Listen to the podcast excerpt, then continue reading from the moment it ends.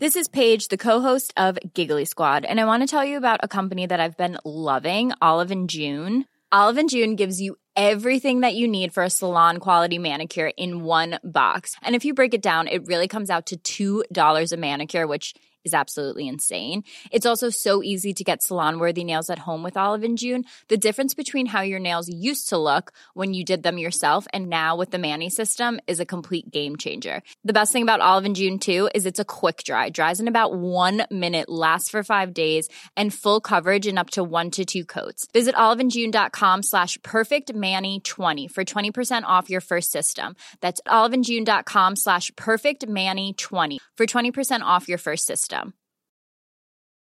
Life is full of awesome what ifs, and some not so much, like unexpected medical costs. That's why United Healthcare provides Health Protector Guard fixed indemnity insurance plans to supplement your primary plan and help manage out of pocket costs. Learn more at uh1.com. Hiring for your small business? If you're not looking for professionals on LinkedIn, you're looking in the wrong place. That's like looking for your car keys in a fish tank.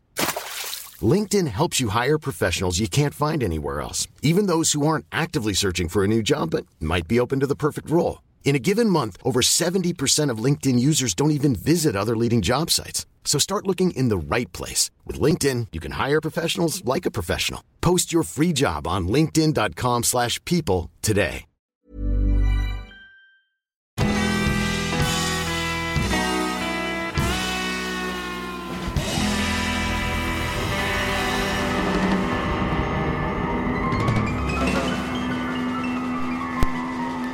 Hej allihopa och välkomna tillbaka till ett nytt avsnitt av Ståpäls. Och det är ju som vanligt jag, Lukas och... Ida! Mhm. Hej! Hej! Hur är läget? Jo då, vi pratade lite här innan jag skrev till dig och sa att jag är klumpig som vanligt och har ramlat på jobbet och gjort illa mig. Mm. När jag spelade fotboll med några barn så att jag har väldigt ont i mitt vänstra ben. Ehm, Mm. Annars så... Nej men det är väl... Jag vet inte, det är bra. Men det har varit fullt upp på jobbet. Ehm, så jag är lite, lite trött och sådär. Men eh, så kan det vara. Ja. Ja, hur är det själv då? Jo men det är hyfsat bra. Jag har väldigt, väldigt jobbigt med min allergi just nu. Mm, Ehm, så att det påverkar Jag går ju runt och är svullen i näsan hela tiden. ja men såklart. Och får sån här äh, molande huvudvärk liksom. Ja, Ehm, ja det är så att, inte eh, roligt. Nej men eh, det... Men det, så är det ju varje år. Men just nu är det bara extra jobbigt. Mm, Så jag är väldigt trött och Jo. seg. man blir ju det av podden Ja. och sådär också. Jag fick ju ett bra nässpray nu från... Eh, eh, ja, jag var hos läkaren för att kolla upp min näsa helt enkelt förra veckan. Och då eh, skulle jag testa ett nässpray som är med kortison och mot allergi. Så jag skulle testa det och eh, jag eh, känner inte av någon kli i näsan alls. Så det är ju skönt. men gud vad bra. Mm. Jag köper ju sån här receptfri och den hjälper ju lite grann. Men när det är mycket så... Jo, det blir ju Alltså den hjälper ju jobbigt. säkert mer än om jag inte skulle ha någonting alls. Men... Ja såklart Men ändå, det är ändå jobbigt Men eh, de här eh, allergitabletterna De eh, tar jag ju inte eh, Just för att jag tycker att jag blir så himla seg av dem Mm. Ja det blir jag också. Jag har börjat ta dem på kvällen nu bara för då somnar jag ju. Ja precis Liten extra sömntablett Ja men typ. Ja verkligen Ja men det är skönt Men eh, ja nej pollen är ju Är ju inte roligt Ja, och det är liksom den här första skjutsen som alla växter får nu under våren Ja, och tidig sommar som det är som, som Mm. mest. Jo, det är ju allt, Mm. nu allting börjar blomma och allting liksom eh, Ja men liksom kommer fram och sådär och då blir det ju extra mycket Sen när det, i sommaren så lägger det ju sig lite Ja, alltså då är det ju mera Det är ju hela tiden men det är mycket lägre nivåer liksom. Mm. Och som nu också har jag ju Nock som vill vara ute på balkongen så då måste jag ha det stå lite öppet. Såklart Annars blir han väl eh, ledsen Ja, han ligger inne i vardagsrummet och blänger på mig nu men jag vill inte ha öppet när jag poddar. Nej, såklart Han ligger och stirrar genom hela lägenheten rakt in på mig. Nej Hallå, han är ju rolig. Han är sur också för han får inte lunch. Men han fick Nej. mat eller frukost ganska sent så han kan få vänta lite. Han har det inte lätt. Nej, jag svälter honom vet du väl. Det är Ja. precis som dina katter. Ja, de har inte heller det lätt. Herregud, vi har inte fått mat på 40 minuter. ja. Eller fem. Nej, Ja, herregud. så är det. Men Mm. eh, i dagens avsnitt som skulle varit för, förra veckans då, men vi förskjuter säsongen en vecka. Mm. Eh, så går vi tillbaka till liksom eh, också en del av våra rötter. Förra veckan Ja. var ju också det. Eh, eller förra avsnittet. Eh, Mm. Men det här är ju en annan gren av våra rötter. Mm. Eh, Precis. och det är ju liksom hemsökelser och lite sånt där. Ja, det paranormala helt enkelt. Eh, om, ni, om det kommer med någonting i bakgrunden nu som är musik så tror jag att eh, eh, lilltjejen under mig kan vara ensam hemma och eh, hon gillar Ja. att spela musik då. Det brukar kunna Så vara jag så ber om också. ja. ursäkt om det kommer något dunka-dunka här nu. Ja, nej, men det är Hon lite började precis nu. Ja, men såklart. Tajmar in det perfekt. Ja, Ja, nej men det, det här är ju... Ja, verkligen. Men ja, nej men det här är ju våra rötter lite så. Vi började ju med eh, utredningar innan vi började med podden. Mm. Ehm, så det har vi ju liksom eh, intresserat oss för sen vi var små egentligen. Mm. Alltså, och ehm, ja, man försöker liksom ehm, vara skeptisk också. Men man liksom, ehm, ja, tycker det är intressant att se om det, Ja, om det paranormala finns och om det finns liksom ehm, Ja, andar eller vad man nu vill kalla det för. ja, ja, alltså när vi släppte första, första ja, säsongen, första avsnittet av podden. Då hade vi precis gjort vår egna första paranormala utredning på Ulleråkers kyrkogård i Uppsala. Just ja. Eh, och faktiskt fångat lite grann. Det kan ni se på våran YouTube, Paranormal Tapes. Ja, vi fångade ju ehm. lite visslingar bland annat. Ja, visslingar, eh, orbs, alltså ljud, ljusfenomen, ljudfenomen höll jag på att säga. eh, och lite sådär. Men visslingen är ju helt klart det häftigaste. För den hörde vi inte när vi var där. Nej, nej, nej. Ingen vissning. Utan den kom ju... Vissling, vissling. Den såg ju jag när jag kollade igenom eh, videoklippen sen. Mm, precis. Så, det är lite att, eh, häftigt. Nej men det är jättehäftigt. Och vi, vi har ju gjort några utredningar till som inte har blivit YouTube-worthy, eller vad man ska säga. Nej, de har inte kommit ut ännu. Ehm, men vi kommer, vi siktar på att göra nya nu i sommar.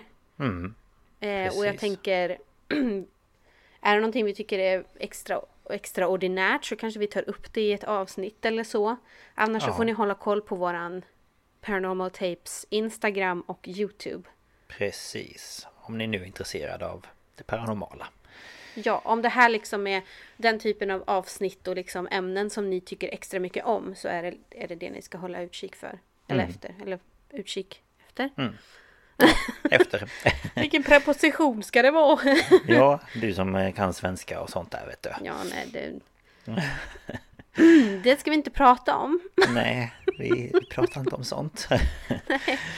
Nu tycker inte jag vi ska hänga ut varandra här. Nej. Förtal. Nej, ska jag. Förtal. Ja, så dumt. Nej, men eh, jag känner mig redo på att sätta igång. Det är jag som börjar. Ja, det ska bli jätte, jättespännande. Vi skuttar in på en gång. Ja, vi gör så. Ja.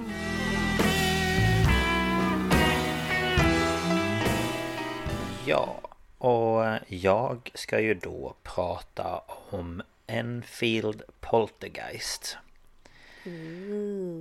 Yes. Eh, och jag har kollat på Youtube eh, på en dokumentär från BBC som då heter The Enfield Poltergeist. Sen har jag varit inne på The Sun eh, och sen History VS Hollywood eh, och sen någon news.com.au Jag vet inte exakt vad det är för hemsida men Det är... ehm, det låter ju som någon australien... AU eller Australien. Ja men just ja, ja men då är det någon australiensk eh, Oj, nu, nu kommer jag göra lite ljud för mina ben har klistrat fast sig i min skrivbordsstol. Jaha, Au. skönt eh, Nej. nej. Inte skönt. Sen har jag varit inne på allthat'sinteresting.com Mm. Och sen på Daily Mail. Och eh, jag, Mm. eller jag, vi börjar den 31 augusti år 1977. För då får polisen i Brimsdown i Enfield i London i England in ett samtal från en kvinna vid namn Perry Hodgson Eller Hodgson kan man säga. H-O-D-G-S Hodgson. Hodge, Hodge... Ja, någon sån. Mm, jag vet inte. Nej jag, Vad svårt. Ja, verkligen. Eh, Och hon uppger att hon har sett möbler hemma hos sig flytta på sig Samt att hennes barn har hört knackningar som kommer från väggarna Och Peggy hade precis nattat sin 11-åriga dotter Janet Som delade rum med sin bror Johnny När hon då hade börjat höra ljudet av något som skrapade mot golvet på andra våningen Mm. och när hon sprang upp för att se vad som lät Så öppnade hon dörren in till Janet och Johnnys sovrum Och det hon möttes av då det var av en träbyrå som gled över golvet Och Peggy ska då putta tillbaka byrån till där den stod från början Men så fort hon släppte taget om den så började byrån röra på sig igen Mm. Samtidigt så började ljudet av knackningar i väggarna eka i hela huset. Och vettskrämd och förvirrad så ska Peggy ha samlat ihop alla sina, fyr, äh, sina fyra barn. Ja, hon hade fyra barn men ja, det stod inte. alla sina barn. Ehm, Och det var då 10-åriga Johnny, 11-åriga Janet, 14-åriga Margaret och 7-åriga Billy. Och tillsammans så tog de sig till grannen för att fråga vad de trodde att det här då kunde bero på. Och grannen hette Vic eh, Nottingham. Eh, han tog sig in i huset för att undersöka vad då Peggy och barnen sa sig hade hänt. Och när han kom in så hörde han en knackning i en av väggarna och en i taket. Något som han då tyckte var ganska obehagligt. Men en patrull skickades till huset och en av dem då som kom till platsen var polisen Caroline Hepps. Och hon har senare berättat att när hon kom in i huset så hörde hon fyra svaga knackningar komma från en av väggarna och efteråt så blev det helt tyst. Mm. Och sen ungefär två minuter senare så hörde hon fler knackningar komma från en annan vägg i huset.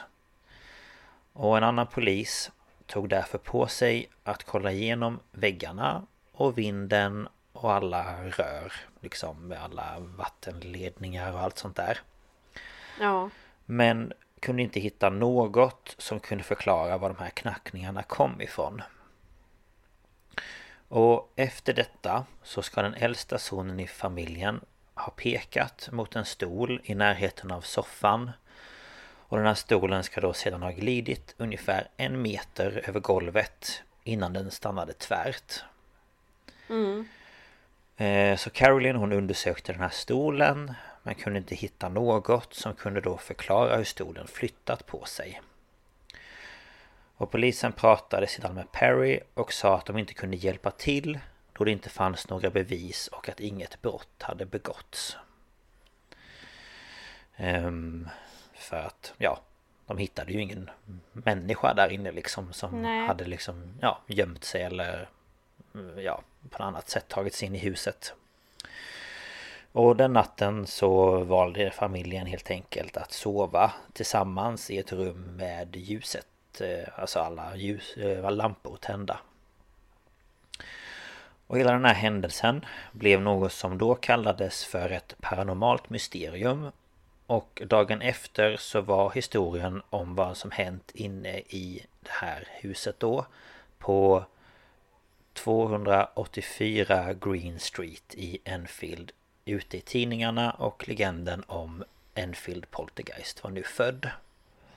Mm. Ehm, och mellan år 1977 Och 1979 så fortsatte olika då märkliga saker hända i huset. Och de här händelserna de kretsade främst då kring systrarna Janet och eh, Margaret. Eh, konstiga ljud fortsatte att höras runt omkring i huset och möbler kunde vältas omkull eller vändas upp och ner. Och en mörk eh, demonisk röst började komma från Janet. Och det som var lite intressant med den här rösten det var att den kom från henne fast hennes mun rörde inte på sig. Mm. Och eh, i en intervju så ska rösten ha sagt citat Precis innan jag dog blev jag blind. Sen hade jag en blödning och somnade och sen dog jag i stolen i hörnet på undervåningen. Slutcitat. Och här tänkte jag att ni ska få höra en litet klipp på hur det här lät under intervjun. Och då kan man även höra ja, hur hjärnet eh, låter helt enkelt. I want you to tell me whether you remember what happened to you when you died. Just before you died and just after you died.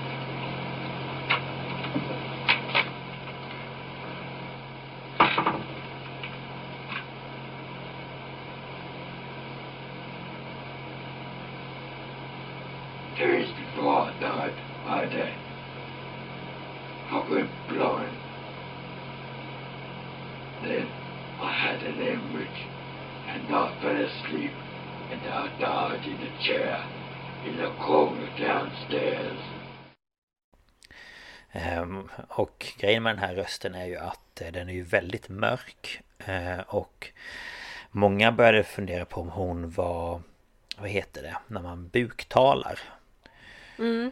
Men så var det ju vissa som också tänkte att hur kan en, liksom en tjej på 11 år Göra en så mörk röst um, För det är ju inte jättevanligt tänker jag Att man lyckas föreställa en sån röst. Ehm, så att, eh, ja. Och några reporters som då kom till huset eh, har då också lyckats fånga den här rösten på inspelningar. Och då säger den åt de här reportrarna att hålla tyst. Eh, och den ska även ha sjungit barnvisor och anspelat på tidigare liv i det här huset. Och efter ett tag så började Janet hamna i, alltså vad ska man säga, transer, alltså i ett, eh, ja, i ett icke medvetande stadie. Mm. Och eh, rykten eh, började då sprida sig om att hon kunde sväva som att en ond energi liksom tog tag i henne. Och det finns ett känt fotografi av Janet där hon svävar i mitten av hennes sovrum och den här bilden tänker jag att vi kan lägga ut på vår Instagram. Ja. Eh, och det här fotot då, det är taget av Graham Morris som arbetade som fotograf på Daily Mirror. Eh, och han hade då satt upp en kamera i Janets rum som tog bilder med 15 sekunders mellanrum. Och han ska då ha känt på sig att något inte stod rätt till i huset när han kom dit första gången. För det han möttes av då, det var att han fick glaskulor och legobitar kastade mot sig utan att det var någon där liksom som kastade på honom. Och de kommande månaderna så blev saker och ting mer ondskefulla och Janet menade på att den här som hon då sa poltergeisten använde henne på olika sätt och på så vis liksom göra sig hörd. Och en man som blev en stor del i den här historien är Morris Gross, eller Gross. Eh, Mm. Som vid tiden för det här då eh, arbetade som uppfinnare och en ledande paranormal utredare vid The, Soc- The Soci- Society for uh, Psych... Psy... Psy... Psychical? Psy... Hur säger man? P-S-Y-C-H-I-C-A Physical? Nej. Nej, psychical blir det väl? Ja, psychical. Ja, research. Tack. Och han spenderade mycket tid i huset och gjorde utredningar tillsammans med Poltergeist-experten Guy Playfair. Mm. Och under deras tid i huset så ska de bland annat ha bevittnat visslingar och hundskall eller liksom, ja, skall komma från det håll då som järnet befann sig i. Mm. Och en dag så ska Morris eller Maurice och en granne hittat ett av barnen som skrek citat Jag kan inte röra mig, den håller fast mitt ben. Och de fick då tillsammans brottas med något som de senare insisterade på var osynliga händer. Alltså någon som höll fast barnet. Mm, mm. Och Morris bestämde sig efter ett tag att hålla en intervju med Janet Eh, eller det man då tänkte var den här poltergeisten då som hemsökte huset. Mm. Och den här intervjun var den första som filmades och sändes på TV. Alltså från det här huset då. Ehm, och syftet med intervjun var att komma fram till vem det var som var skyldig till att det här huset var hemsökt.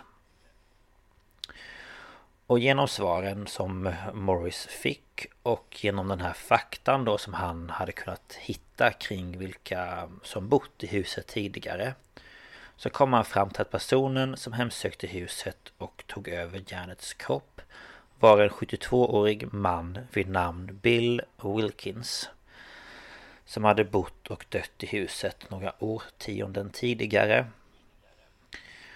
och under den här tiden då som eh, Morris undersökte detta så blev Janets eh, de här transerna eller de här stadierna eh, mer våldsamma. Mm. Och hennes mamma Peggy var vid ett tillfälle tvungen att hjälpa Janet som under den här liksom Ja, när hon inte var medveten Hade snurrat runt sig i en gardin och fått den här gardinen runt halsen. Ehm, och som med alla historier om platser och föremål som sägs vara hemsökta så finns det ju alltid personer som är skeptiska till om det som har hänt verkligen är sant. Och så var det även såklart med det här fallet. Mm. Och under tiden som det här pågick så eh, trodde vissa att Eh, Peggy var den som låg bakom allting. För att hon skulle få ett bättre hus eller pengar på grund av att hon då skulle bli känd. Problemet är dock bara att Peggy tjänade dock aldrig några pengar på att berätta historien om och om igen för olika liksom nyhetsreportrar eh, ja, och så vidare. Samt att hon aldrig flyttade ut ur huset. Eh, för i själva verket så bodde hon där till dess att hon gick bort år 2003. Mm. Ehm, och som jag då tidigare sa så kom då den här tanken också upp av skeptiker att Janet eh, var en buktalare och hade då kunnat ligga bakom de här demoniska rösterna som då hördes av utredare och olika reportrar. Um, och andra föreslog att det här mest kända fotot av Janet som då svävade ovanför marken eller golvet då i hennes sovrum inte visade något mer läskigt än en tjej som studsade på hennes säng och då utlöste kameran som då hade satts upp i hennes rum. Så ja, många tror liksom att hon helt enkelt hoppade från sängen och ner på golvet och att då bilden togs i luften. Mm. Eh, och skeptikernas liksom åsikt eller om det här då det förstärktes när flickorna erkände att de hade skämtat eh, några gånger med eh, Morris genom att gömma hans bandspelare och göra konstiga ljud när de då gick runt i familjens hem. Och både Janet och Margaret ska även blivit påkomna med att böja skedar och ta sönder saker i köket. För att det skulle då se ut som att en övernaturlig kraft hade orsakat de här skadorna. Mm. Janet ska även berättat att hon endast fejkade paranormala händelser 2% av tiden. Så de andra 98% var mm, sant eller på riktigt eller vad man nu kallar det för. Mm. Eh, men eh, Janet som eh, nu är i 50-årsåldern hävdar att alla andra detaljer i det som hände från den här då demoniska rösten till hennes eh, liksom svävning var helt äkta. Och hon berättade år 2018 för BBC Radio 4 eh, ett program som hette The Reunion eh, som handlar om det här fallet att hon lämnade huset vid 16 års ålder och gifte sig som ung.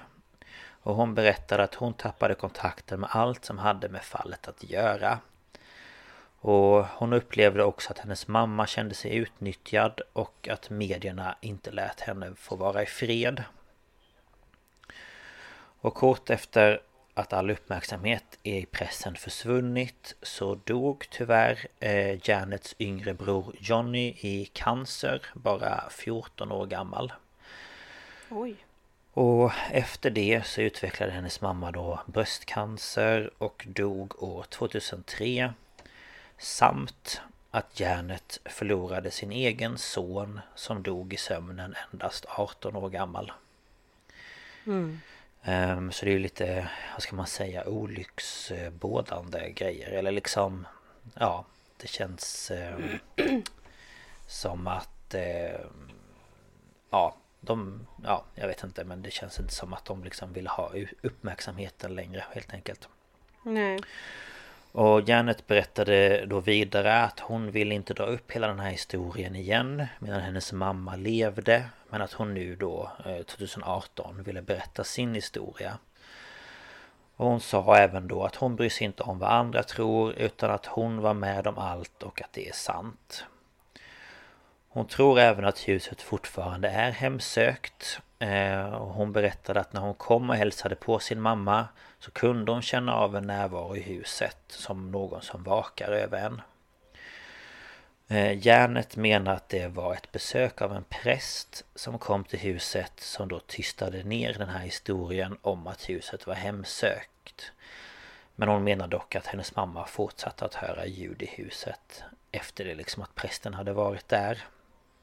Mm. Och efter att Peggy dog 2003 så flyttade en kvinna vid namn Claire Bennett och hennes fyra söner in i huset. Och hon berättade att hon såg aldrig någonting men hon kände sig alltid obekväm i huset. Att det liksom fanns någon form av närvaro i huset och hon kände alltid att någon tittade på henne. Mm.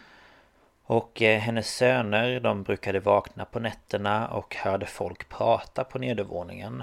Eh, och då så fick Claire eh, reda på husets historia. Och hon kände då att plötsligt så var liksom allt det här vettigt eller vad man nu säger. Men de flyttade ut efter bara att ha bott där i två månader. Mm. Och en av hennes söner eh, Chaka som då var 15 år säger citat Natten innan vi flyttade ut vaknade jag och såg en man komma in i rummet. Jag sprang in på mammas rum och sa Vi måste flytta och det gjorde vi dagen efter. Mm.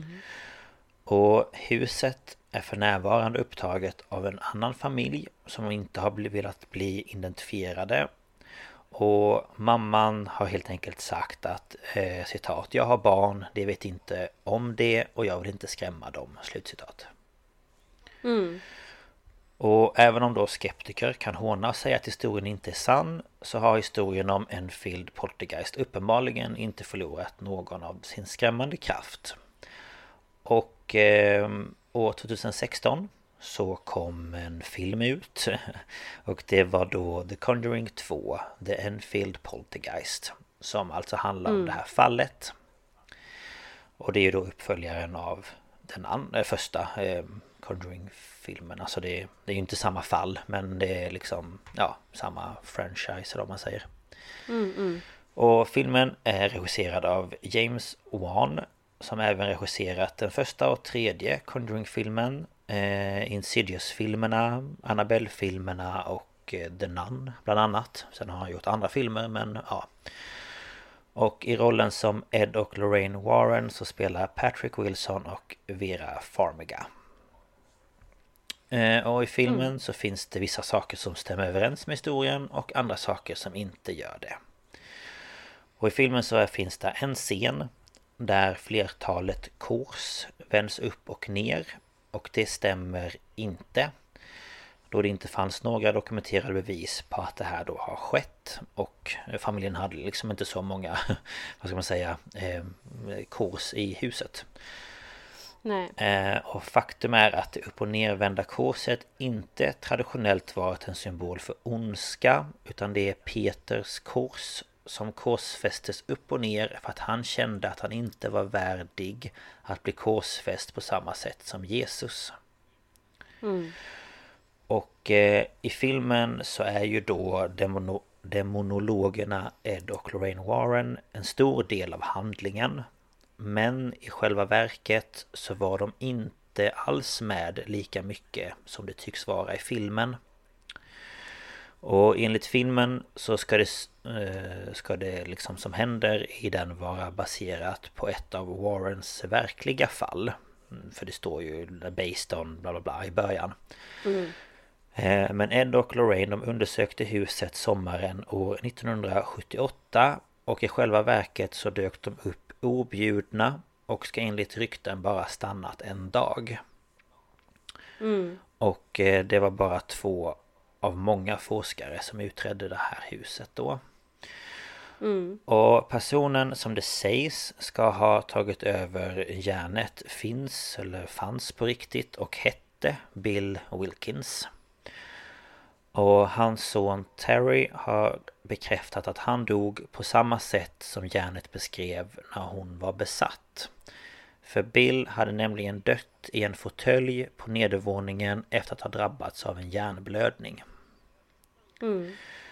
Eh, och sen enligt järnet så ska de här paranormala aktiviteterna i huset börjat efter att hon och hennes syster Margaret lekte med ett Ouija-bräde.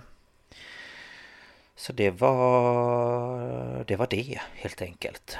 Ehm, så att eh, det man ser i filmen är inte helt sant. Nej, Fullt precis. ut. Ehm, och så är det väl oftast egentligen med filmer. Man spär ju på historien för att det ska liksom bli mer spännande helt enkelt. Ja, och sen la de ju till det här med Wallach bara för att det skulle binda ihop serien lite. Precis. För det är ju även i de andra och i The Nun och sådär. Mm, mm. Ehm, så ehm, ja, det var det och det är lite irriterande måste jag säga ändå. För att det jag känner när jag hör om det här fallet och när jag har tittat på dokumentären och liksom när jag har sett hur de gjorde de här olika utredarna när de spelade in med bandspelare och så vidare och så vidare. Att rösten, för om du tänker det, det vi brukar se, då är det kanske att man får fram några ord eller man får kanske fram mm. eh, något ord bara eller liksom en suck eller en vissling eller någonting. Men att mm. eftersom de här rösterna nu kom från hjärnet så blir det liksom som att den här utredaren har liksom en konversation med det här liksom den här poltergeisten. Och för mig så känns det liksom lite lite för vad ska man säga för mycket eller för ehm, jag har svårt att greppa om det verkligen kan vara eh, sant. Eller jag vet inte hur jag ska förklara men... Ja, alltså jag har ju sett den här dokumentären för några år sedan. Ja. Och... Eh, alltså det här med att hon inte rör på munnen. Mm. Det gör hon ju lite. Ja. Och jag menar visst, det är en konstig röst. Men jag kan också förställa rösten så att den låter typ så. Ja. Eh, och det är det att hon sitter ju bredvid sin syrra och pratar som vanligt. Och sen är plötsligt pratar hon sådär och syrran typ reagerar inte. Nej. Och man bara, men hallå. Visst, okej, du kanske har hört det många gånger, men du sitter väl inte bara där och bara... Nej, Gör ingenting, nej, liksom. precis. Nej men jag vet, alltså, jag- Alltså, jag, jag tror säkert att de- var med om grejer. ja. Men sen så liksom eskalerade det och visst familjen, eller mamman kanske trodde att dottern var besatt men Ja, alltså jag, jag ser bara en unge som vill ha uppmärksamhet. ja men lite Det gör jag. Ja men det är lite det jag eh, Jag kan liksom inte riktigt greppa Eller så här, formulera vad jag vill få fram egentligen Men det känns som att eh, som att hon Att de har varit med om övernaturliga upplevelser i huset De kanske har hört knackningar De kanske har hört Eller sett någonting flytta på sig Men just när Mm. det kommer till de här, den här rösten Att det blir liksom det blir lite extremt eller... eh, Ja, det är något... Men alltså om, om jag ska liksom försöka hon Han pratar ju liksom så här. Ja, Exakt så. Och alltså det gör ju jag utan problem. ja, ja men så det, det... Ja, nej. Och visst hon kan ju kanske ha haft kontakt med den här eh, Wilkins. Och han har berättat saker för henne. Men det är in, jag tror inte att det är han som talar via henne sådär. Nej, det... Då ska han ha otroligt mycket kraft. Ja, det är ju det jag menar. För jag menar om... En poltergeist har ju mer kraft än liksom ett, vad ska man säga, ett vanligt spöke eller en vanlig ande liksom som inte har liksom den här att kan flytta föremål och så. Men även om man har det så brukar ju oftast inte de vilja prata. Eller förstår du vad jag menar? De vill ju mer bara ställa till med eh, skada, liksom ondskefulla liksom eh, krafter som vill göra andra illa eller så. Det är inte så att man sitter och snackar med dem liksom över en kopp kaffe. Nej, alltså.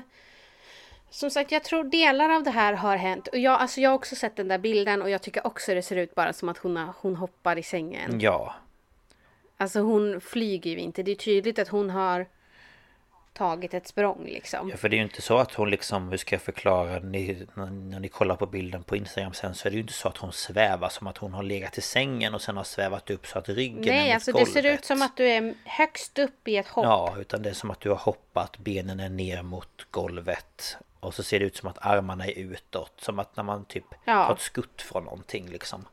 Ja. Så att eh, jag vet inte, jag vill inte säga att ingenting är sant för det är det sagt, fakt, Nej men alltså det är det jag men- menar. Jag tror absolut att någonting har hänt. Ja, Men sen har liksom hon kanske märkte att hon fick mycket uppmärksamhet. Mm. precis. Och sen så har det liksom gått för långt så att hon till och med nu som vuxen inte vågar säga att det inte var på riktigt. Eller så tror hon att det var på riktigt. Ja, det vet man ju inte heller. Alltså, Jag menar det finns... men, men det är delar av det här som jag inte tror på. Nej. Så är det. Ja men samma här faktiskt. Så att... ehm, ja, men eh, ni kan ju... Ni får ju gärna kolla på dokumentären också. Det är som sagt BBC på Youtube sökte jag. Eh, Enfield Poltergeist. Så kom den upp. Och se vad ni eh, får för vibbar. Eh, kring det ni ser. Men Ja. ja jag är Ja, precis. lite, lite delad skulle jag säga att jag är. Ja, precis. Men det är eh, jag också. sen eh, kan man tänka också det här var 70-tal Det var liksom inte någonting som man snackade så mycket om Det var liksom lite hysch-hysch och man var kanske lite konstig Mm. och lite så Man trodde på sådana här saker och eh, Mm. Det blev väl liksom en sensation att oj det här händer och wow vi har aldrig sett det här förr och ja Ja, precis. Lite mer så också men ehm, Precis. Ja ni får väl titta och se vad ni Vad ni tycker Ja. Helt enkelt Men eh, nu är jag väldigt eh, nyfiken på ditt Ja, vi hoppar vidare. Ja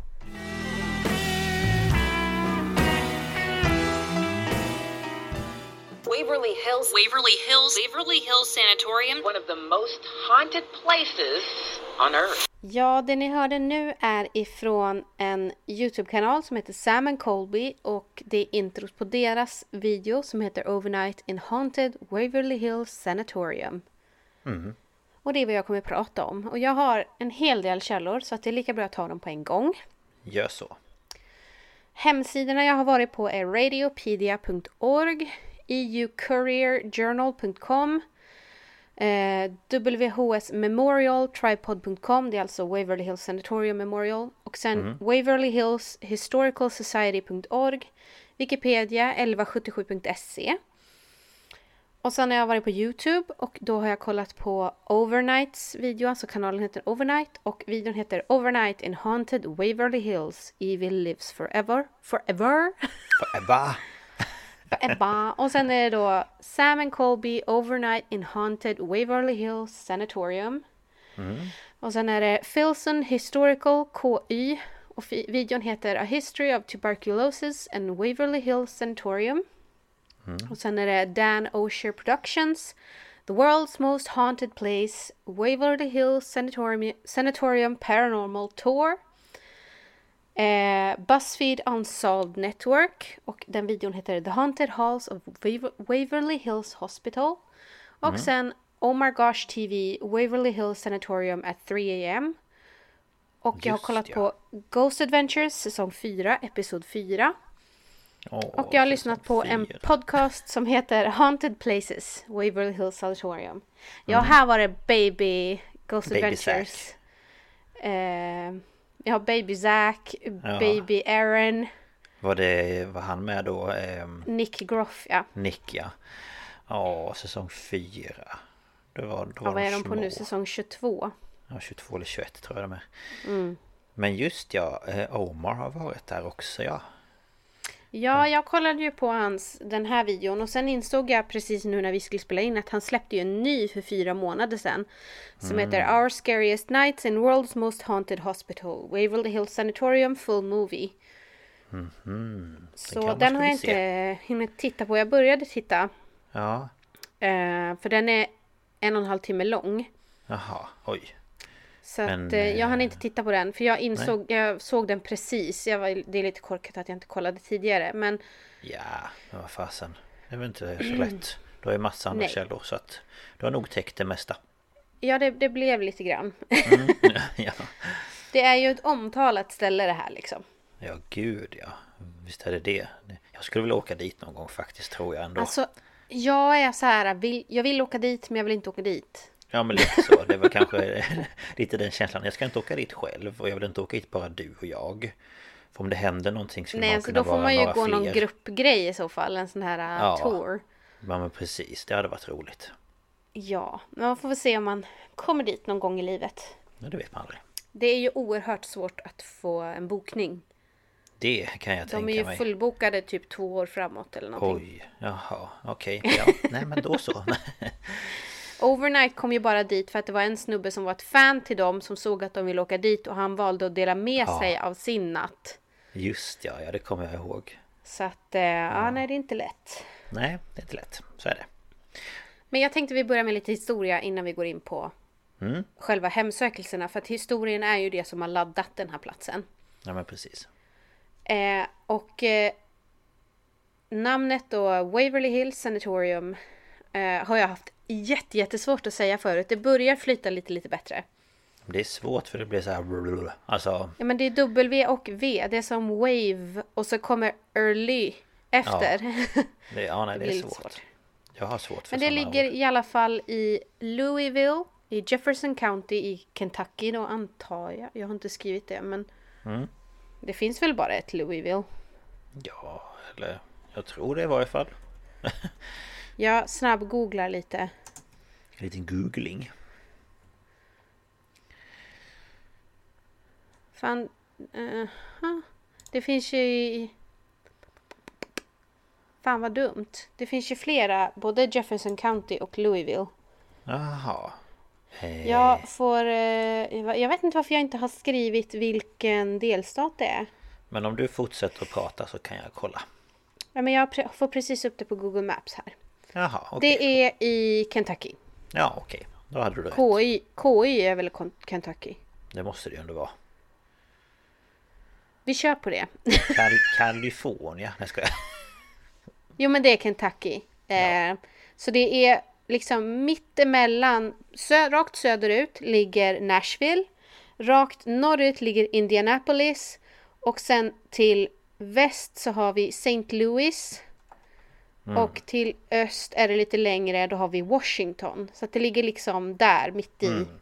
Okej. Eh, Jag har bara räknat med att det var Kentucky hela tiden. Så hade jag inte skrivit det nu och så kollar jag. Då finns det liksom Indiana och Colorado. Och man bara, men vad i helvete. Ja, nej men då vet vi. Men det är i Kentucky. Så Mm. att det här är ju ett sånt här äh, bibelbältesområde. Mm. Inte för att det spelar någon roll här, men Nej. det är bara så att ni får en känsla. Ja. Men eh, det ligger på mark som ursprungligen köptes av Major Thomas H. Hayes. Som eh, han då skulle bygga sitt familjehem där 1883. Och han var i behov av en skola för sina döttrar som de skulle gå på då. Och då byggde han en enrumsskola. Eh, så eh, anställde han en kvinna som hette Lizzie Lee Harris som lärare då. Och hon eh, blev förälskad i den här lilla skolan. Och hon hade också en väldig förkärlek för Walter Scotts Waverley-romaner. Och därför så döpte hon skolan till Waverley School. Och eh, Major Hayes gillade det här namnet och döpte då hela egendomen till Waverley Hill. Det är därför. Mm, jajamän. Men i början av 1900-talet så drabbades Jefferson County allvarligt av ett utbrott av tuberkulos. Ja. Och jag vet inte om vi har tagit upp det här tidigare men jag har lite information om tuberkulos. Mm. Och det är ju en infektionssjukdom som vanligtvis, vanligtvis orsakas av tuber, tuberbal, va? tuberkelbakterien. Ja. Tuberkelbakterien. Mysobacterium tuberculosis. Så där har vi ju namnet. Ja. Och det här påverkar främst lungorna men det kan även angripa organ som centrala nervsystemet, könsorganen, blodomloppet, skeletter, leder eller hud. Man kan också få hjärntuberkulos. Jaså. Det är som en allvarlig version av hjärnhinneinflammation tror jag. Aha. Så att du blir ju- så. Du blir, du blir ju koko. Ja. Kokobäng. Sådär. Ja. Eh, tuberkelbakterien upptäcktes och renodlades 1882 av Robert Koch som genom djurexperiment även påvisade att den var orsaken till tuberkulos. De klassiska symptomen på ber- tuberkulos, eller TB, är kronisk hosta och då med blodigt slem och så feber, nattlig svettning och såklart viktförlust. Eh, och eh, infektion i andra organ kan ge en rad olika symptom beroende på vilket organ som är drabbat. Alltså vilken typ av tuberkulos Mm. du har påverkar ju. Men det vanligaste är ju lungtuberkulos. Ja, precis. Eh, och man di- diagnostiserar tuberkulos främst på röntgenbilder av lungorna och tuberkulintest på huden. Eh, och mikroskopundersökning och bakterieodling av kroppsvätskor, kroppsvätskor kan också användas. Och som jag sa då så är det ju en bakterie. ehm, och i stora delar av världen är tuberkulos en vanlig infektionssjukdom. I Sverige nu är sjukdomen ovanlig. Eh, man kan förkorta tuberkulos TBC eller bara TB. Ja. Så att eh, vi, vi är väl mest vana vid TBC här i Sverige och TB på engelska. Ja, jag känner nog mest igen TBC. Och på sanatorier så var pulmonell tuberkulos, alltså lungtuberkulos, det vanligaste. Om jag har förstått det rätt. Okej. Eh, och om jag inte missminner mig, jag pratade med mamma för det här, om det här för inte så länge sedan, så förlorade faktiskt min mormor sin lilla syster i tuberkulos. Jaha. Eh, Jaså. och hon var bara typ fem, tror jag. Jaha. Fem eller sju, något sånt var hon Oj. när hon dog. Ja, det var inte gammalt. Nej, det var ju inte det. Nej, det var ju inte så många år, nej. Eh, och alltså tuberkulos nu, så länge du bor i ett i-land, eller liksom så, så är det ju, det är ju penicillin Mm. som, som botar tuberkulos. Så att nu är inte det en, en dödsdom. Men det fanns väl inte då? Eller? Nej. Nej. Vi har ju pratat om tuberkulosen. Eller tuberkulosen. penicillinet. Penicillinet. Ja. Eh, och det var ju på 60-talet om jag inte missminner mig. Mm. Så att eh, det var ett tag kvar om man säger så. Ja, men precis.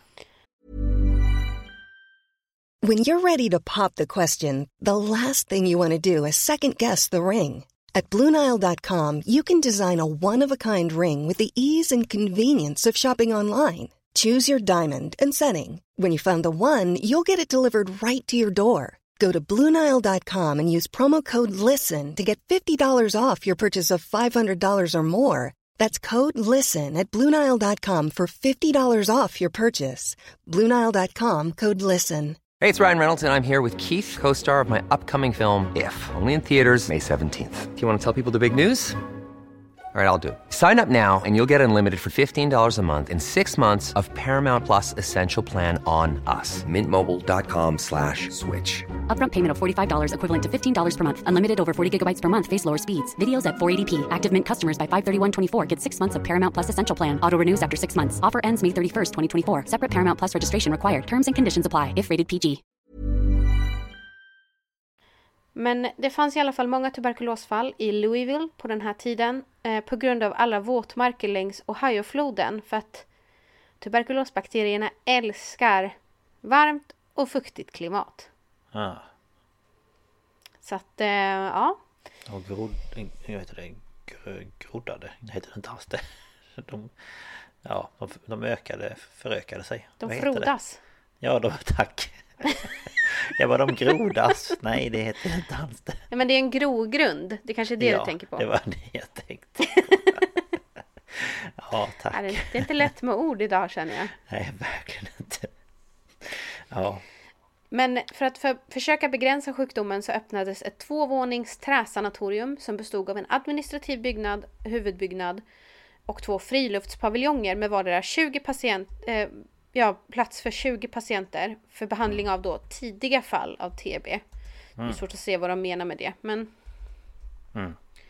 i början av 1911 började staden Louisville göra förberedelser för att bygga ett nytt Louisville City Hospital och sjukhuskommissionärerna beslutade i sina planer att det inte skulle finnas några åtgärder vid den nya City Hospital för intagning av lungtuberkulos. Och tuberkulossjukhusets styrelse fick istället då 25 000 dollar för att uppföra ett sjukhus för vård av avancerade fall av lungtuberkulos. okej. Och då blev ju det bestämt då att det var Waverly Hill som var platsen. Ja. Och ehm, det var en ram, upp, eh, ursprungligen en rambyggnad i två våningar med varm, valmtak. Det vet inte jag vad det är. Vad sa du att det hette? Jag. Valmtak. Valmtak? Hmm. Eller har jag sk- bara skrivit fel? Det ska vara halmtak kanske. Ja, eller valv. Valmat tak. Det finns något som heter så. Jaha. Jaha, det är sånt här med sån här... Eh, eh, eh, det är sånt här brutet tak eller vad man ska säga. Mm, mm. Ja, det är väl inte jätteviktigt. Jag bara insåg att jag inte visste vad det var. Det är bra att man har skrivit saker man vet vad det är. Men i alla fall. Ja, ja. Eh, och det var ju korsvirke också då. Och den här byggnaden började byggas 1980 och öppnade för verksamhet eh, 1910. Och då kunde de ta emot 40 till 50 patienter på ett säkert sätt. Mm. Eh, människor som fick TBC isolerades från allmänheten och placerades i ett område där de kunde vila, hålla sig lugna och ha gott om frisk luft. Och då Mm. byggde man då sanatorier på höga kullar omgivna av fridfulla skogar för att skapa en lugn atmosfär och då för att man skulle få mycket luft. Och sen var det ju också att de var eh, avskärmade liksom. ja, men precis. Och TBC blev ju en eh, epidemi i Valley Station, Pleasure Ridge Park och andra delar av Jefferson County i då Kentucky. Och den här lilla TBC-kliniken blev fylld med över 140 personer och man kände att det här går ju inte. Nej, nej såklart. Eh, och eftersom det är, TBC är extremt smittsamt och det var ju ren epidemiproportion på det här. Mm. Så kan man ju inte liksom låta folk med TBC vandra runt bland allmänna befolkningen. Och man, man visste ju inte riktigt hur det spreds på den tiden. Man visste ju inte att det var luftburet eller så. Nej. Men den 31 augusti 1912 så flyttades alla tuberkulospatienter från City Hospital till tillfälliga bostäder i tält på Waverly Hills-området. Och eh, man började 1912, ehm, eller man... Jo, man öppnade ehm, platser för ytterligare 40 personer. Och 1914 så la man till en barnpaviljong med ytterligare 50 bäddar. Vilket gjorde liksom den officiella kapaciteten till 130 men det var ju redan fler där. Mm. Eh, barnpaviljongen var inte bara för sjuka barn utan också för barn till tuberkulospatienter som eh, ja, de hade ingen annan som kunde ta hand om dem liksom. Nej. Så egentligen friska barn med sjuka barn var inte, ja. Mm. Mm. Men, mm. Ja, ja. Eh, Man kan läsa i en rapport att målet var att lägga till en ny byggnad varje år för att kontinuerligt växa. Eh, Men man hinner egentligen, inte i, vad heter det, i kapp antalet smittade och platser. Och Nej. en träkonstruktion behöver ju ganska mycket reparation. Det är väldigt fuktigt, det är liksom... Ja, Ja, men trä är ju ett levande material. Mm. Ehm, så att man eh, började i mars 1924. Eh, då började man bygga en, en eh, ja, stentegelbyggnad med fem våningar och det skulle rymma mer än 400 patienter. Eh, och man öppnade för verksamhet den 20 oktober 26. Alltså jag har läst lite blandade eh, årtal. Det, vissa säger att de började bygga 24, vissa sa 23, vissa säger 20. Men alltså den här byggnaden byggdes otroligt snabbt hur som helst. Ja. Och från då man öppnade 26 så ah, hade man eh, tuberkulossjuka fram till 61 för då kom ju antibiotikan eller penicillinet. Mm. Eh, och då satt, stängde man ner byggnaden, satte den i karantän och 62 öppnade man det som ett äldreboende. Och då blev det känt som Woodhaven Medical Services. Mhm. Eh, och sen stängde staten ner Woodhaven Medical 1981. Mm. Och sen dess har det inte varit någon verksamhet där. Nej. Ehm. Men eh, tillbaka till när det fortfarande var tuberkulossjukhus. Då var det liksom ett fristående samhälle. Man hade till och med ett eget postnummer. De hade eget postkontor. Egen eh, vattenbehandlingsanläggning. De odlade sina egna frukter och grönsaker. Hade sin egna boskap för kött och Alltså, ja men nästan som eh, vissa psyksjukhus var. Mm. Och alla på Waverly, alltså patienter, sjuksköterskor och läkare, andra anställda, alltså de, de fick inte heller, eh, de anställda fick inte heller lämna. De fick ju vara kvar där. Ja. Så att när man väl åkte dit så blev man ju typ permanent boende där. Ja, Ehm, såklart. Men de hade ju besöksdagar och då fick ju liksom nära och kära komma och stå nedanför huset och så fick de gå ut på de här soldäcken och vinka och, Ja. och sådär. Ja. Ehm, men som sagt var, huset står ju kvar idag. Ehm, Mm. Och det var liksom en väldigt så här hypermodern anläggning när den byggdes. Mm. Ehm, och det är en ganska så imponerande byggnad. Och man brukar kalla att de har en så kallad, den har en, eh, vad heter det, Batwing eh, form. Eller fladdermusvingeform på byggnaden. Precis. Och som sagt var fem våningar hög och längs ena långsidan från våning två till fyra så har, finns det såna här, jag tror man kallar det duvgångar va? Jo, jag tror att det är det det kallas för. Såna här, alltså det är ju en slags balkong men den är inbyggd i huset eller man ska säga. Den hänger ju inte på utsidan. Nej. Och där, de är ju liksom kopplade direkt till rummen och där kunde man då rulla ut patienter för att de skulle få solljus och frisk luft. Mhm. För att man tänkte då att det skulle hjälpa kroppen att slåss mot sjukdomen. Mm. Och rummen på den här sidan delade man två och två. Men det finns ju en sorglig sida. För att på andra sidan korridoren så finns enrums, eh, en, enpersonsrum utan balkong. Mm. Och dit flyttades man när man helt enkelt inte skulle ha en chans att klara sig. Nej, precis. Så det är ju Det lite, tänk att flytta typ. över dit liksom. Ja, då visste man att nu är det dags. Ja. Mm. En del säger att den här äh, fladdermusvingeformen på huset gjordes för att luften liksom flödas genom hela byggnaden. Alltså det var ett stadigt Mhm. drag av frisk luft. Jaha. Ja, Ehm, jag vet ju inte om det stämmer men eh, nej Ja. du. Ja. Eh, Men som jag sa tidigare så var ju Waverly Hills ett extremt modernt sjukhus för sin tid och man kämpade hårt med att hitta metoder som skulle hjälpa kroppen att bekämpa TBC. Och vissa metoder kanske mer framgångsrika än andra. Mm. Eh, Och jag vill understryka att inga ofrivilliga eh, procedurer tog plats. Alltså alla som, som gjorde olika procedurer de samtyckte till det. Mm. Okej. Eh, men bland annat så opererade man bort revben och det heter thoracoplasty. Aha. Eh, och det är ett kirurgiskt ingrepp som ursprungligen utformades som en permanent, för att permanent kollapsa hålrummen vid lungtuberkulos genom att då ta bort revbenen från bröstväggen, alltså revben 1 till 3. Eh, och eh, ja, då tänkte man att Man skulle få mer luft eller? Ja, lungan skulle få mer plats att expandera. Ja, okej. Hmm. Ja. Så att, eh, mm. Ehm, sen ersattes den av effektiv kemoterapi. Alltså cellgifter typ. Eller inte cellgifter men eh, strålning var det väl mer. Ja. Eh, och innan det så var ju det här var thorakoplasti en, en metod för att lungan skulle få vila med hopp om att den skulle då in, inaktivera sjukdomen. Mhm. Men det finns också Mm. en annan sak man kunde göra och det var alltså kollapsterapi. Och eh, Mhm. det kan man också kalla för gassprängning av lungtrakten och det gick till på att nu det här, det här eh,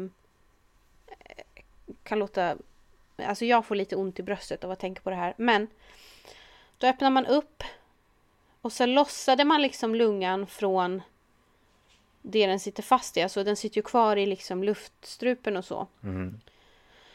Men sen sticker man in en tjock nål mellan revbenen och gasar området där lungan normalt skulle ligga för att pressa ihop den eller trycka ner den.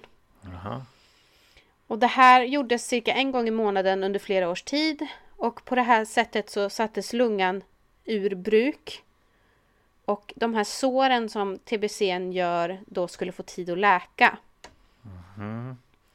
Men kollapsterapi leder ju till livslång och kraftigt nedsatt lungfunktion. Ja. Och man gör ju det här mycket, mycket, mycket sällan idag och då bara vid sjukdom med bakterier som har komplexa resistensmönster. Okej.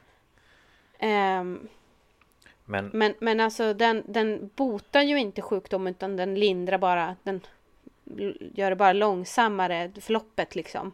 ja, för jag funderade på... Jag måste, nu måste jag bara tänka. De öppnar upp en och de tar bort lungan eh, från kropp. Alltså den sitter fast men de lyfter på den. Ja, alltså den sen- sitter väl liksom ihop med muskler och allt sånt där. Ja och sen så... Så att eh, den liksom hänger löst, eller vad jag ska säga. Ja och så gasar de då det Och så är sprutar de in gas för att lungan då av den här gasen pressas ihop. I lungan. Nej, de gör det bredvid lungan. Så att den här gasen tar ju upp platsen som lungan tar. Aha. Men vad då ligger man... du- Hur länge, länge ligger man utan lung, med lungorna utanför då? Nej, men de, de tar ju inte bort lungorna. Utan Okej. de lossar liksom lungorna. Ja. Lungan, den hänger ju inte bara helt löst inuti oss. Den hänger ju inte i, i Nej, nej, nej. Nej. Utan den sitter ju fast liksom. Men då tar de ju bort de här äh, stöden som jag har förstått det då inne i kroppen. Okej. Och sen sticker de in en nål, sprutar in någon slags, jag vet inte vad det är för gas. Men så Nej. att lungan inte kan, den får inte plats att expandera. Nej okej. Så att ja. den, den kollapsar ju. De Ja. sticker ju inte hål på lungan men Nej. det är liknande liksom. Och det gör de ju bara med en lunga i taget för annars så dör man ju. Ja jo såklart. Okej ja, och sen syr de ihop den igen och så ska man då läka från det eller? Mm. Okej, ja. Mm. Jag förstår. Eh, en annan behandling för patienter som hade infektioner i båda lungorna är den så kallade shotbag-metoden. Mhm. Och jag vet inte vad shot betyder.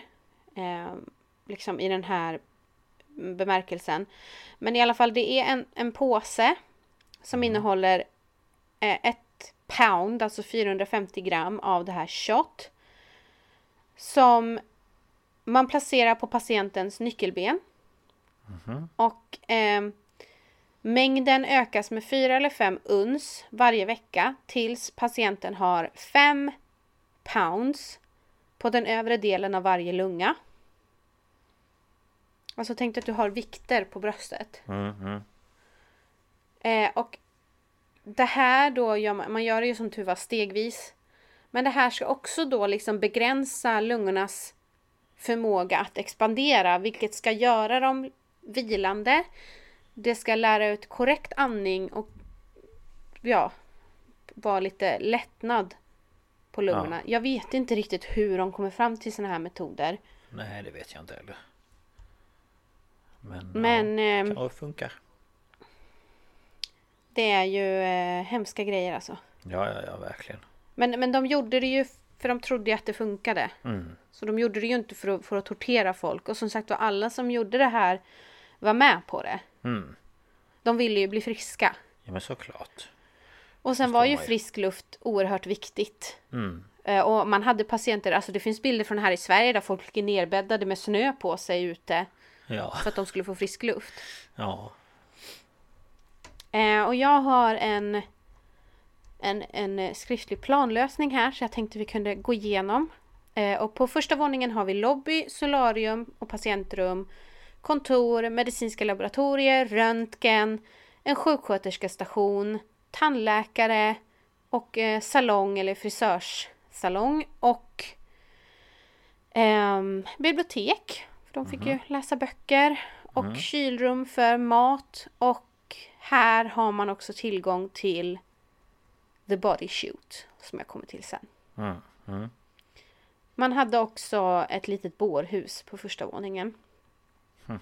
Och betoning på litet. De hade tre Tre såna här bäddar, kylbäddar. Just ja. men det har man ju På ett sett. sanatorium. Ja, det är ju ganska lite om man säger så. Ja. På andra våningen så finns det kök, bageri och matsalar. Ett mindre operations eller behandlingsrum, solarium, eh, kapell, sjuksköterske, sjuksköterskestationer och såklart massa patientrum. Våning tre har vi ett till operationsrum, solarium. Solarium är ju de här, det kallar de ju de här balkongerna liksom. Ja, precis. Eh, det finns arbetsterapi och lite så här ett stort operationsrum, återhämtningsrum. Alltså det finns... eh, Och det finns ju matsal och hej och hå. Mm. Eh, och ehm, fjärde våningen är liknande. Femte våningen är reserverad för de som ska få helioterapi. Mhm. Där de som led av TBC eh, i benen behandlades med solljus. Mhm. Alltså i skelettet antar jag. Ja, det måste väl vara kanske. Ehm, det fanns tillgång till hissunderhåll som vad som finns i vad som är nu känt för klocktornet. Mm. Det är också här uppe som jag förstått det som barnavdelningen var. Och där fanns det ju en lekplats på taket. Mm. Och sådär. Mm. Och i, i källaren då så är det ju mera Det är tvätt och det är krypgrunder och lite sånt där. Mm. Men det som vissa människor, människor idag kallar för the body slide, the body shoot och till och med the death tunnel är en tunnel som går från Waverly Hills ner till nedanför hull, eh, Hullen, kullen. Hullen? Hull, hull. Ehm, och den här tunneln var egentligen till för att frakta alltså varor. Mm. Men det som händer är ju att det är så många som avlider vid Mm. ett tillfälle. Jag tror de kunde säga att de, i vissa hemska dagar var det en i timmen. Ja, var det inte typ... Ja, en i timmen. Ja, precis. Det har jag för mig att jag har hört. Och det är ju fruktansvärt nedslående för någon som är sjuk som bara ser hur det kommer likbil på likbil på likbil. Så då bestämde man sig för att göra ett slags... Eh, vad ska man kalla det? Vajersystem som man kunde hissa ner eller köra ner bårar ner i den här tunneln ner till nedanför kullen och där skulle då likbilar vara. Mm. Så det är därför den kallas för The Body Shoot eller The Death Tunnel. Um, Sen var det väl det också att de eftersom de bara hade plats till tre stycken människor i Ja. de här bårgrejerna så kunde de ju inte förvara så många döda människor där nej, nere. precis. Ehm, och egentligen, man obducerade ju inte så många såvida inte man trodde att de dog av någon annan orsak än tuberkulosen. Mm. Så att liksom, ett, de gjorde ju inte, behövde ju inte ha dem där eller vad man ska säga. Nej, nej precis. Så är det ju. Men den här eh, tunneln är ehm, Vissa säger 520 fot, vissa säger 560 fot. Men det är i alla fall ungefär 170 meter. Mm. Eh, och den är i en 45 graders vinkel. Mhm. Så att den är ganska brant egentligen. Jo. Och som sagt var, alltså, det var ju till för att få upp kol och annat på, på vintern och, Mm. och sådär. Mm. Ehm, men sen så blev det ju så här istället. Och ehm, man tänkte också på 40-talet att eller 30 och 40-talet att det här skulle kunna vara ett eh, bombskydd om det skulle komma Ja. flyganfall. Ja, det är ju smart. Eh, dokumenterat antal döda på Waverly Hills är 12 000 men siffran kan vara dubbelt så hög. Alltså det, det Mm. finns så många olika uppskattningar men otroligt många har dött här. Ja, bara 12 000 är ju väldigt många. Ja, Ja, och jag tror inte att det är i närheten av, Nej, av vad som kan ha hänt eller liksom så. nej precis. Men i alla fall i den här äh, body shooten eller den här tunneln så berättar en guide för gänget på Overnight, tror jag det var, Mm. att det är en grupp från FBI som kommer med sin utrustning för jag tror de skulle göra en övning eller vad det var. Och de Just kommer ja. rusande ut ur den här tunneln eh, för att de har ju haft såna här night vision goggles. Och de har sett en vit massa komma upp liksom för den här tunneln. Mm. Och när den kommer närmare så hör de liksom fotsteg som så här stampar emot dem och då, Mm. Då springer de. då drar de. Ja. Och generellt så ser många skuggor, delar av figurer, hela figurer. Mm. Eh, Alltså på, både i tunneln och, och generellt på sjukhuset. Och det finns historier om grupper där de går på guidad tur och helt plötsligt så är det en extra i gruppen. Och när de konfronterar personen så går den runt ett hörn och försvinner. Mm. Ja, det är ju galet. Ehm, men en, en hemsökelse som många upplever nu är en man som heter William. Och han var en Vietnamveteran och han och hans hund bodde i ett rum i huset. Han var hemlös och han hade tagit sig in där och gjort i ordning rummet själv och höll det rent och snyggt. Mm. Men när ägarna kom till huset så ville de kasta ut honom. Men det var sent i november och han frågade om han inte kunde få stanna tills det blev varmare. Mm. Och eh, han lovade att han kunde hålla oönskade besökare borta. Och eh, ja, men han fick stanna. Och de kom ibland förbi med mat och filtar och de, ja, men de hade en bra relation med honom. Men en dag så var han och hunden borta. Eh, och man tänkte jaha, han har väl dragit vidare. Men en tid senare så reagerar man på att det luktar illa och då hittar man dem båda ihjälslagna i hisschaktet bredvid rummet. Mm. Och då har någon slagit ihjäl både William och hans hund med en hammare. Så det är... Kastat ner dem i hisschaktet. Det, är, det kan vara hemskt men jag tänker på hunden. Mm. Som är helt Ja men det är det många som gör. Varför liksom? Ja men den är ju hjälplös. Vad ska den göra liksom? Ja. Ehm, en lång tid senare kunde man binda, binda ett gäng high school-ungdomar till brottet. Och de skickades till ungdomsanstalt. Och det går en historia om att de efter att ha åkt in och ut ur fängelse hittades döda längs järnvägen nedanför Waverly Hills. Hm. Två avgjordes ha tagit livet av sig och en ser ut som att han har blivit slagen med ett trubbigt föremål. Jaså? Huh. Men eh, Williams röst kan fortfarande höras i huset. Han ber folk att gå. Mm. Och eh, många ser honom och det finns även ett foto. Där det ser ut som en man och en hund i korridoren utanför Williams rum. Mhm. Och jag tänkte vi kunde lägga ut på Instagram sen. Mm. Gärna. Men det mest kända rummet på Waverly Hills är rum 502. Och eh, det finns många historier om detta rum, men mycket är hörsägen. Mm. Eh, och på grund av en brand i ett arkivarium så har mycket dokumentation ifrån sanatoriet försvunnit. Så man kan inte veta allting helt säkert. Men det sägs i alla fall att en dag kom en vaktmästare upp till våning fem i hissen och eh, rakt framför hissdörren när den öppnades hängde en sköterska i en lampfixtur. Mm. Eh, och det sägs att hon hade en affär med en av läkarna som var gift och hon blev gravid och när han gjorde det klart att han inte skulle lämna sin fru så valde hon att ta sitt liv. Mm. En annan anledning till att hon tog sitt liv var att hon kan ha blivit smittad av tbc och försökte göra en abort på sig själv. Eh, och eftersom hon visste att det ofödda barnet kunde vara smittat. Eh, och sedan blivit så deprimerad att hon inte längre ville leva. Mm. Men guiden i Overnights video berättar att han en gång hörde namnet Sarah utanför 502.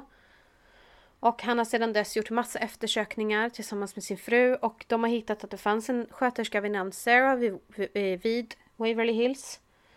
Och han berättar att hon hade som dröm att jobba med tbc-sjuka för att hennes älskade syster dog 15 år gammal av sjukdomen. Så när hon fick jobb på Waverly Hills var det liksom som en dream come true. Ja, ja. Och han säger att det var så här. Eh, För han säger då att han har pratat med henne på olika sätt och fått fram olika saker. Ja. Och han säger helt enkelt att han tror att det här är historien. Hon jobbade natt och en annan anställd måste ha kommit upp för trappen. eh, För hon har antagligen inte hört hissen. Personen kom fram bakom henne och attackerade henne och hon ville inte väcka barnen. För det var ju våning fem. Just ja. Så hon skrek inte, men hon gjorde motstånd så gott hon kunde. Men att den här mannen våldtog henne. Och när hon sedan försökte få hjälp av sjukhusledningen så blev det bara sopat under mattan. Och därför tog hon sitt eget liv. Mhm. Okej. Men det finns också de som tror att hon blev mördad. För att det ska tydligen ha varit mycket blod på platsen. Och oftast om man hänger sig så Blir det ju typ inget. blir det inte massa blod. Nej, precis. Så det Mm. finns de som tror att den här läkaren som hon ska ha legat med och kanske dödade henne för att det inte skulle komma fram. Ah. Men är det... Jag kommer bara tänka på ett klipp nu. Eh, Men jag vet inte vad det är för några som är. Men jag tror att det är på Waverly Hills. Eh, Där de är utanför ett av rummen och så håller persiennerna på att eh, öppnas och stängas. Jag vet inte om du har sett det. Du kan inte komma på vad jag menar. Nej, alltså det är ju inga persienner där vad jag vet. Nej det är det kanske inte. Nej jag bara, det kanske inte ens är där men det är någonting som säger mig att det kan vara där. Men det kan vara fel. Eh, för det bara slog mig nu att om det var det rummet men då är det nog inte det. Nej, det är ingenting jag kommer ihåg nu i alla fall. Nej. Nej för det var några år sedan jag Ehm, såg den. Ja, nej men eh, jag kan ha missat det också. Men Mm. eh, ja. Mm.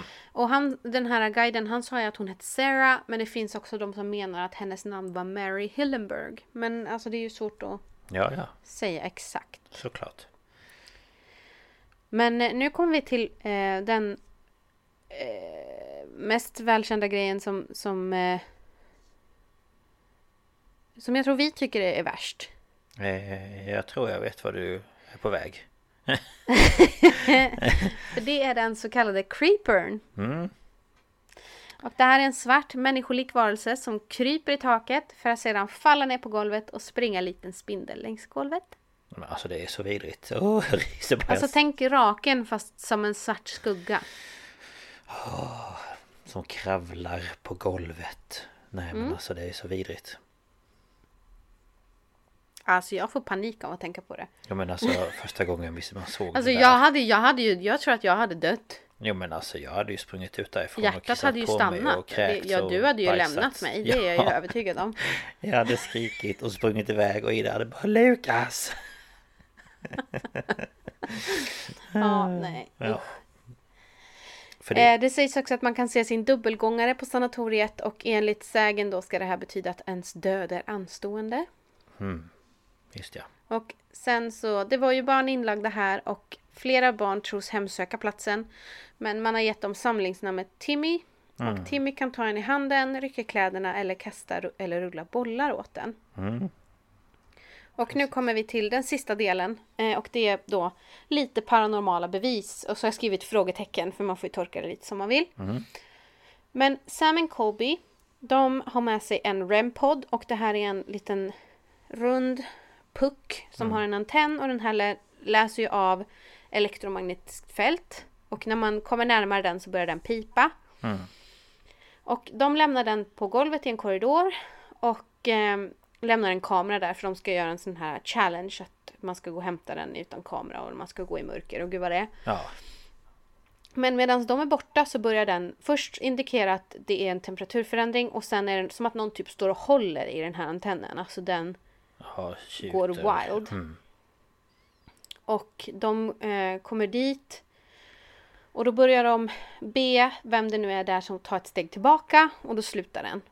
Och när de ber personen röra vid den igen så börjar den. Ja. Eh, och de provar flytta på den. Alltså det är ju ingen, ingen fungerande el i det här huset som kan påverka. Nej, precis. Men den håller på jättemycket. Eh, och sen så använder de såna här äh, magnetficklampor som man liksom vrider på som man då kan få andar att eh, manipulera. Mm. De använder även eh, PMB som LaxTon har, Paranormal Music Box. Och det är ju en rörelsesensor och när man går framför den så börjar den att spela en, en trudelutt. Ja. Och den fungerar. De pratar mycket med William utanför hans rum. Eller vad de tror är William. Just ja. Och de får även kontakt via Spiritbox. Och Spiritbox är ju en radio som skannar snabbt genom frekvenserna. Och det ska kunna andar då komma igenom. Precis. Och eh, de pratar mycket med någon uppe på femte våningen. Och de frågar den här sköterskan om hon blev mördad. Och det låter som att det är en man och en kvinna. Och mannen vill att de ska gå men kvinnan vill att de ska stanna. Mm. Ehm, och så är det vid ett tillfälle som en av, de har ju med sig två kompisar. Han säger att det kändes som att någon tog i min hand. Och så frågar de, tog du i hans hand? Och då får de svar, vilken hand? Ja. ja. Eh, så att, eh, ja men de är med mycket och tjejerna de har med sig, en av dem hon, hon ser väldigt mycket. Just det. Alltså generellt. Och hon ser hela tiden skuggor i andra rum som liksom går runt. Hade hon brunhåriga? Mm, stas. Ja. Ja, hon är blond, brun, typ. Ja, precis. Mm. Eh, gänget i Overnight får också kontakt via Spiritboxen och de väljer att köra Estes-metoden. Och det är helt enkelt att någon sitter med eh, noise cancelling headphones kopplade till Spiritboxen och har de kan ju blunda eller så har de ögonbindel så att de Mm. hör inte och ser inte. Så ställer man frågor och så får de se om de svarar och eh, de får hela tiden en röst som säger åt dem att gå. Ja. Ja, det är ju också... Eh, sen kommer vi till Ghost Adventures och eh, de fick mycket EVPs. Eh, och jag tänkte spela upp dem som Mm. jag tycker är coolast. Mm. Och den första är deras genomgång av byggnaden. Ehm, och de får ju en, en guidad tur liksom och, och sådär. Och så är de, jag vet inte vilken våning det är på, men Zack får för sig att han ska starta en sån här uh, diktafon och spela in EVP. Mm. Och han fångar då en röst som det låter som att den säger Give me a break. Mm. Just ja. Eh, och när de fortsätter lyssna så har de fått en väldigt tydlig vissling och jag tänker vi klipper in det här. Is there anybody in here with us? I just want to listen to this real quick. See if there's anything on there.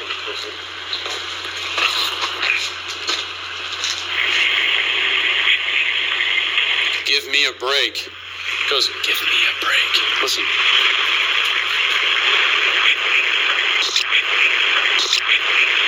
Give me a break.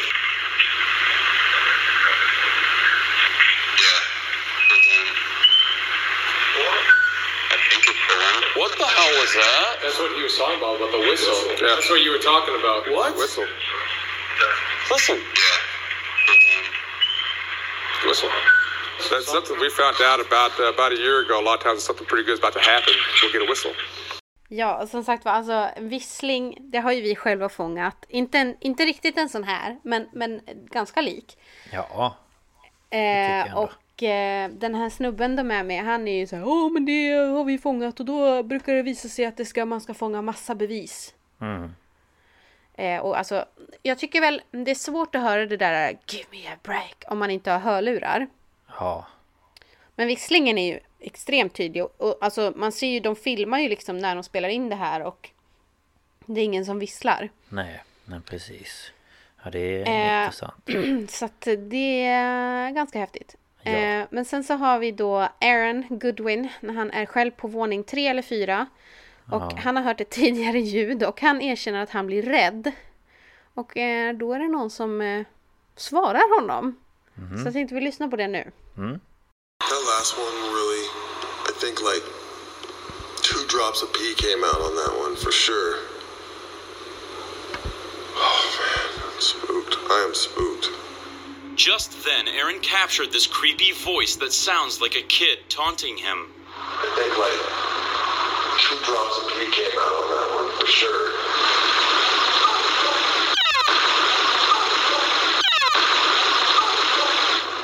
Ja, så alltså Mm. Aaron han, han säger ju att eh, han blev så rädd så minst två droppar kiss kom. Mm.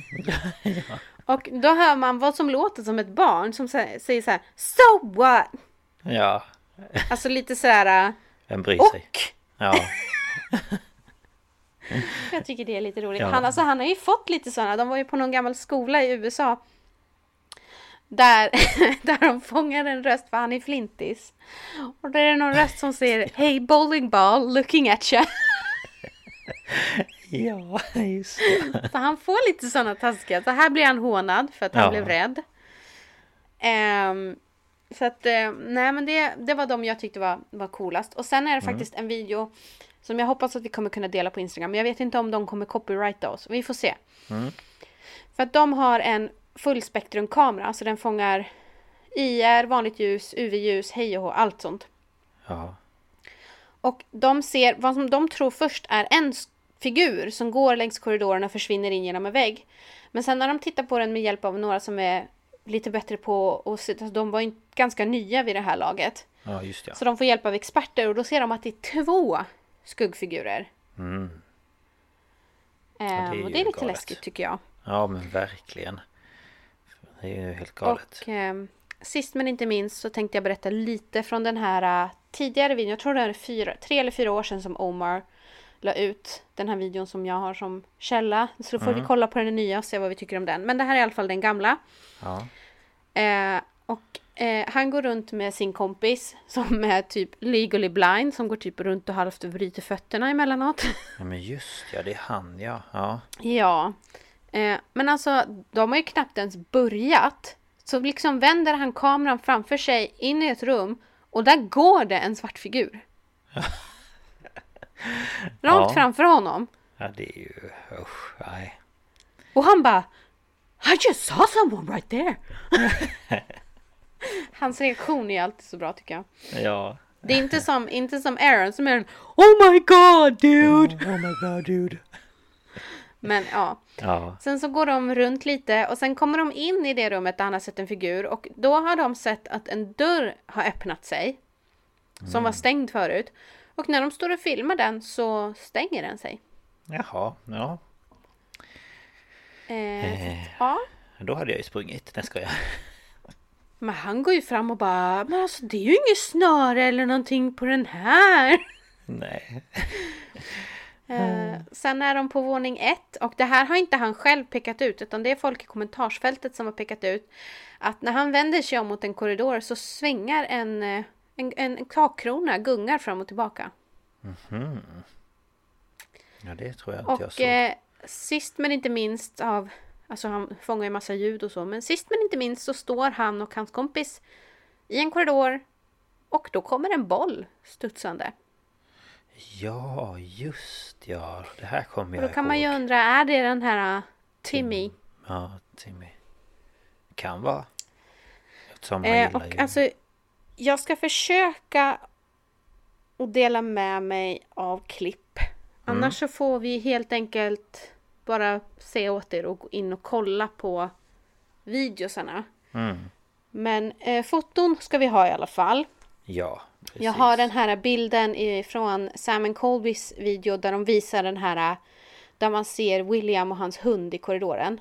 Ja, det hade varit Ehm, roligt att få med. Den Men- har jag i alla fall. Så får vi se om vi kan få med några klipp. Men jag tänker om man har dem utan ljud kanske man kan ha med dem. Förmodligen skulle man kanske kunna ha det. Eh, sen tänkte jag också på eh, när eh, Nick och... Eh, vad heter hon nu? Ehm, Är där och får ju Katrina? med Ja, får ju med den här eh, crawl eh, creep-grejen Creepern ja. Ja, Alltså det, jag får ju sån panik av det. Oh. ja för den Och alltså när Buzzfeed ju Unsolved är ju där, de, de kastar ju en boll i en korridor och så hör man hur den så här dun, dun, dun, dun, dun, dun.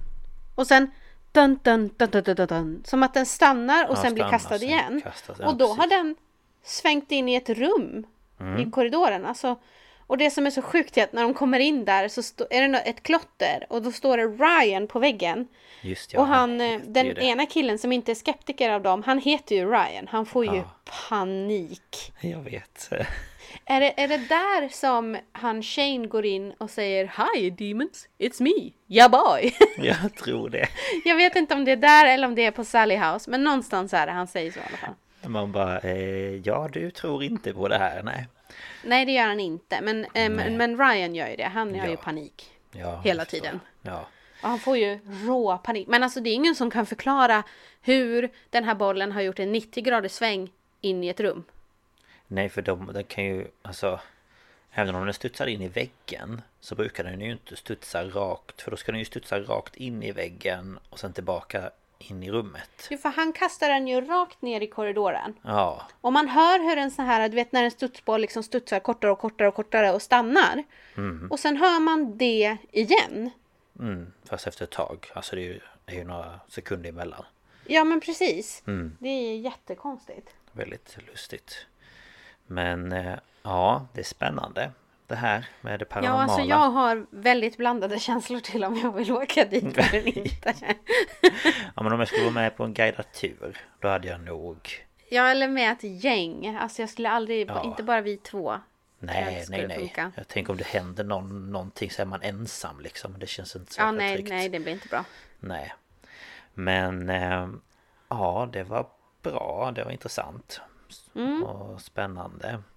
Ehm, så det var det för den här veckan helt enkelt. Ja, och vi ber om ursäkt att det blev sent. Men det hände lite grejer med min familja. Så, Mm. Ja, Och det går ju först. jo, alla men gånger. precis. Det var det jag sa till dig också. Familjen kommer Mm. först. Så är det. Så att det, det fick Och då får ni bara ehm, att vi, vi skjuter bara på det. Så ni förlorar ingenting. Utan alla avsnitt kommer komma. Ja, bara att vi håller på en vecka extra. Ja, precis. Ja. Eh, men eh, var kan man hitta oss någonstans då? Om man känner för det? Ja, vill man mejla oss så går det jättebra på staphalspodcast.gmail.com Och där kan man ju skriva vad man vill, höll jag på att säga. Mm. Nej, men tipsa, kommentera, vad man nu vill. Mm. Men man kan också, om man har Instagram, söka på Staphals podcast och klicka på följ och man kan kommentera på något av våra inlägg eller skriva ett litet meddelande där. Ja, precis. Och vi lägger ju ut ibland lite grejer som har med avsnitten att göra. Som nu då kommer vi lägga ut lite foton och förhoppningsvis lite klipp. Mm. Helt Eh, rätt. och där kan ni ju kommentera vad ni tror om Janet i Enfield och eh, vad ni tror om det här på Waverly Hills. Mm. Eller så. Ja, helt rätt. Men eh, jag har inte så mycket mer att säga idag utan eh, Nej. Tack för vi får ni... höras nästa vecka. Ja, och tack för att ni har lyssnat. Ja, tack så mycket. Så får ni ha det ha så det bra. så bra. Mm. Hej då! Hej då!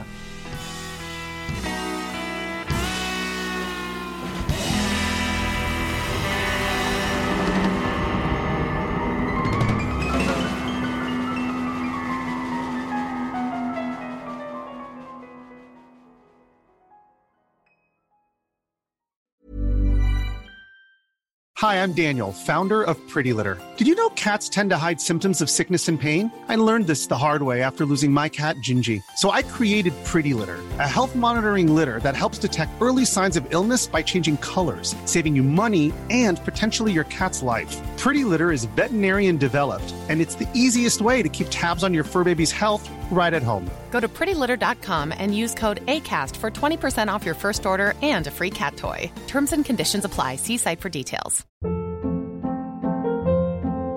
Hold up. What was that? Boring. No flavor. That was as bad as those leftovers you ate all week. Kiki Palmer here, and it's time to say hello to something fresh and guilt-free. Hello Fresh. Jazz up dinner with pecan-crusted chicken or garlic butter shrimp scampi. Now that's music to my mouth. Hello Fresh. Let's get this dinner party started. Discover all the delicious possibilities at hellofresh.com.